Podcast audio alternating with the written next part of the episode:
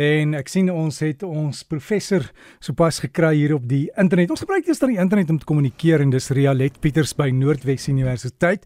En sy is 'n professor daar. En Rialet, goeiemôre. Ekskuus dat ek jou sommer so op die op die kol op die lug sit. Maar ek weet nie of jy ook so warm kry as ons hier in Johannesburg nie. Dis warm, né? Nee? Ja, verskriklik, maar ek sien ons het dan vanoggend 'n bietjie bewolktheid in die lug, so dis effens beter. Ja, en ek sien die termyn of die langtermyn voorspelling sê ons kan dalk hier Dinsdag se koers uh 10 grade maksimum temperature kry in dele van die binneland. Ja, ek het nou net my wintersklere weggepak. Ek sal maar weer moet uithaal. ja, jy weet ou skoot kombersie, jy kan maar met hom oor die skouers rondloop, hoor. ek gaan dit maar moet doen, ja. Jy het gesê wil gesels oor haie wat duik. Ja, haie, sommige haie hou hulle asems op wanneer hulle diep duik. En ehm um, vandag praat ek dus oor hierdie merkwaardige aanpassing by 'n groep diere om ideaal aangepas te wees vir hulle habitat. En wanneer mens dan sê dat hamerkophaie hulle asems as te ware ophou wanneer hulle diep duik, moet mens eers mooi dink oor waarom dit dan nou vreemd klink. Gewoonlik as mens praat van diere wat asem ophou, is dit in terme van diere wat longe het en dan in water moet induik en om te keer dat hulle verdrink, hulle asems ophou sodat die water nie die longe binne gaan nie. Ons dink hier aan watervoëls en seeskilpaaie en otters en walvisse en dolfyne. Maar haie is visse en gebruik nie longe om suurstof uit die water te kry nie, maar kiewe. Hulle is dus goed toegerus om suurstof uit water te haal.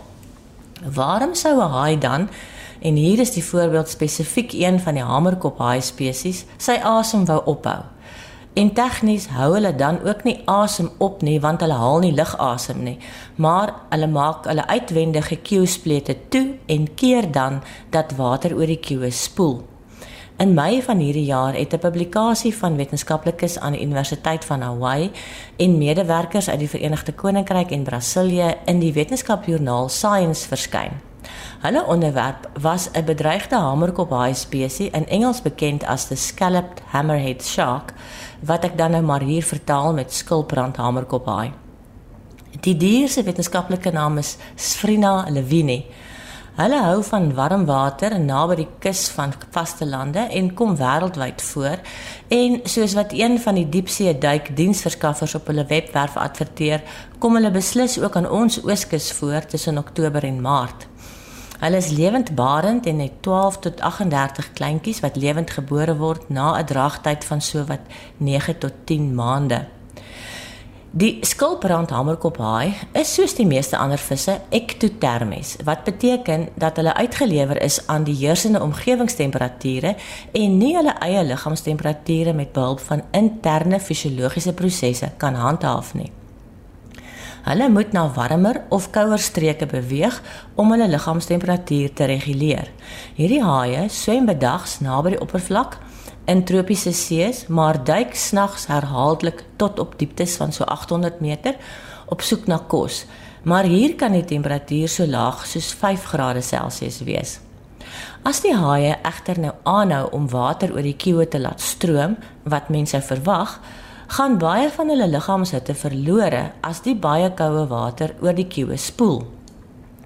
Hierdie verlaging in liggaamstemperatuur kan lei tot verminderde sig, afname in hartfunksie en verstadigde swemaksie.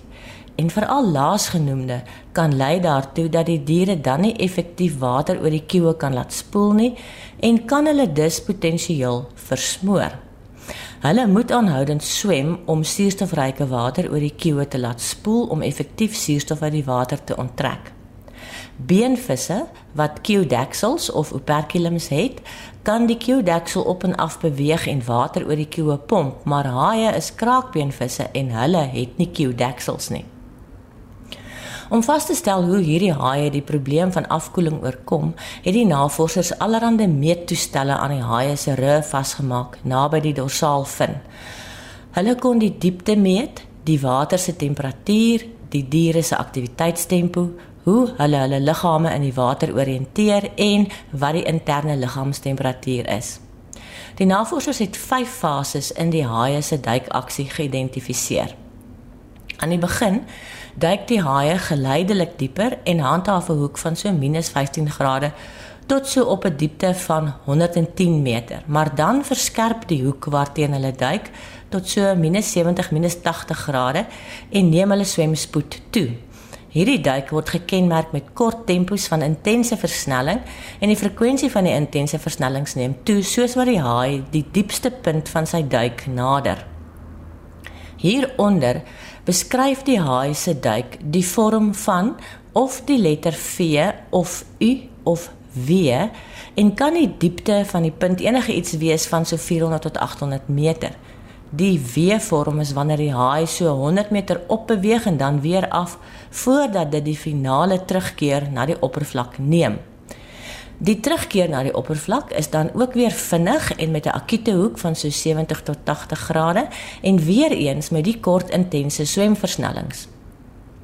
En hierdie opwaartse versnelling neem af wanneer die haai dieptes van so 350 tot 250 meter bereik. Die swemtempo neem af en die helling waarmee die vis na die oppervlak beweeg, vervlak. Die swemspoed neem egter verder af wanneer die haai sy normale diepte bereik wat so 50 meter onder die oppervlak is. Met normale diepte bedoel ek die diepte wat die vis handhaaf as dit nie aktief duik op soek na kos nie. 'n Gemiddelde duik duur so wat 56 minute. En wanneer die haai dan duik, beweeg hulle van water met 'n temperatuur van ongeveer 26 grade Celsius na water met 'n temperatuur van 5 grade Celsius. Hulle liggaamstemperatuur bly egter dieselfde deur die verloop van die hele duik totdat hulle die punt bereik in die opwaartse been van die duik waar hulle stadiger begin beweeg en eers dan daal die liggaamstemperatuur.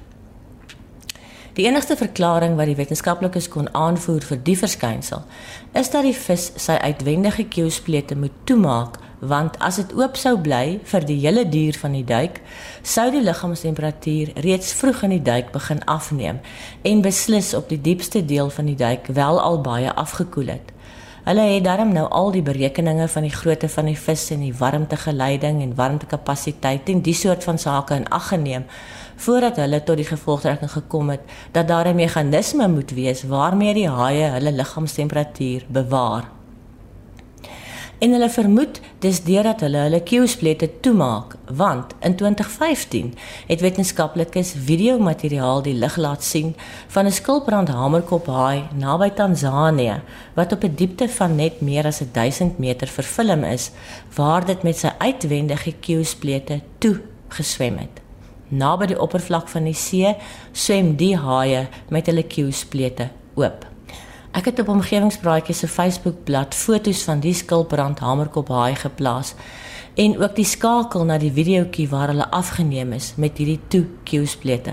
Gaan loer gerus.